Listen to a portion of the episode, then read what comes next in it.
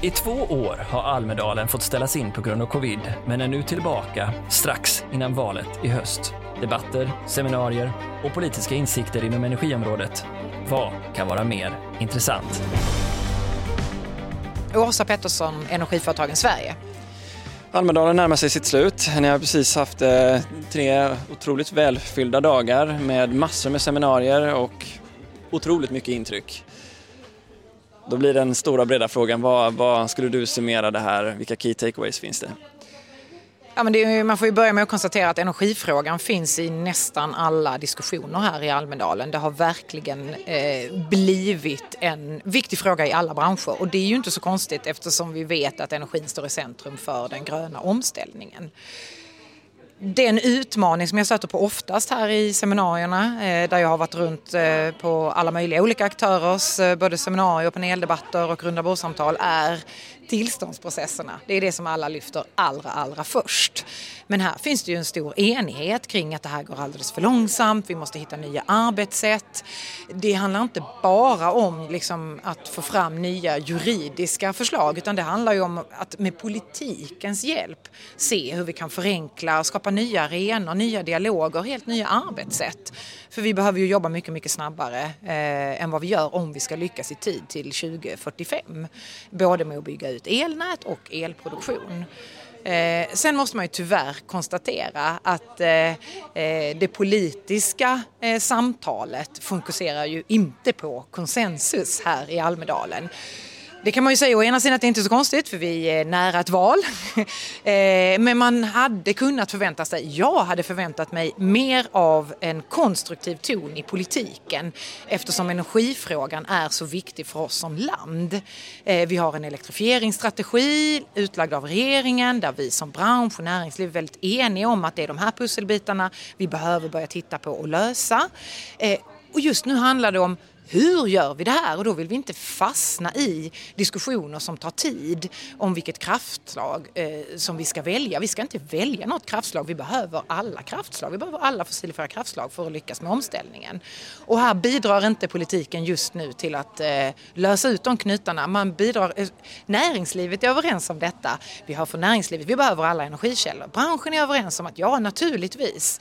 Men politiken är inte överens. Eh, det för mig blir faktiskt ganska ologiskt. Ja, och vi har ju dessutom frågan om vinter som kommer och kostnaderna som kommer därmed. Vi hörde Sverigedemokraterna idag säga att reduktionsplikten är någonting som man definitivt eh, bör se över för att det drabbar vanliga svenskar. Vi har ju hela den aspekten som kommer i en, en tuff vinter. Är vi så överens som många har sagt på seminarierna här egentligen? Ja, men jag tror att i grund och botten debatten så eh, det har vi ju eh, sett att man, man är överens om väldigt mycket i energipolitiken men just nu så väljer man att fokusera på det man är oense om. Sen är det klart att i det korta perspektivet, eh, vi måste tänka långsiktigt. Även om vi har eh, en utmaning här och nu eh, så behöver vi ändå tänka långsiktigt med våra styrmedel. Och den här ryckigheten, eh, den dämpar ju också hela investeringsviljan i omställningen. Eh, vi har ju i själva verket en mycket större chans nu att snabba på omställningen omställningen på grund av eh, krisen och kriget i Ukraina och rörelsen, den snabba rörelsen bort från fossila bränslen. Hela EUs paket med Repower Europe. Det här borde vi ju dra nytta av som land eh, och använda den rörelsen. Eh, inför vintern, ja vi vet ju liksom, här har vi outnyttjade kapaciteter i kraftvärmen.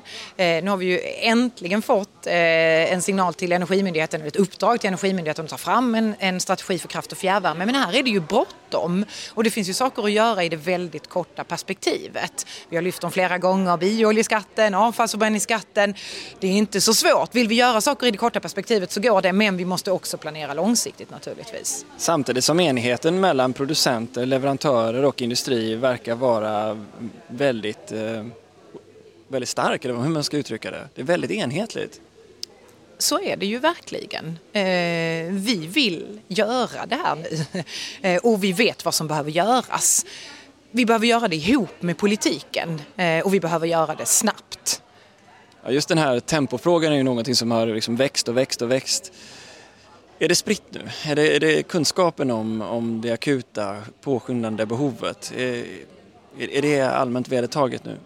Men jag tror fortfarande det finns en övergripande bild att måla upp här. Eh, bransch och näringslivet tillsammans med politiken av eh, både möjligheterna och utmaningarna med den gröna omställningen. För det handlar ju om en stor eh, eh strukturomvandling eh, där vi skapar jobb på nya ställen eh, och här måste vi liksom lyfta nyttorna tillsammans.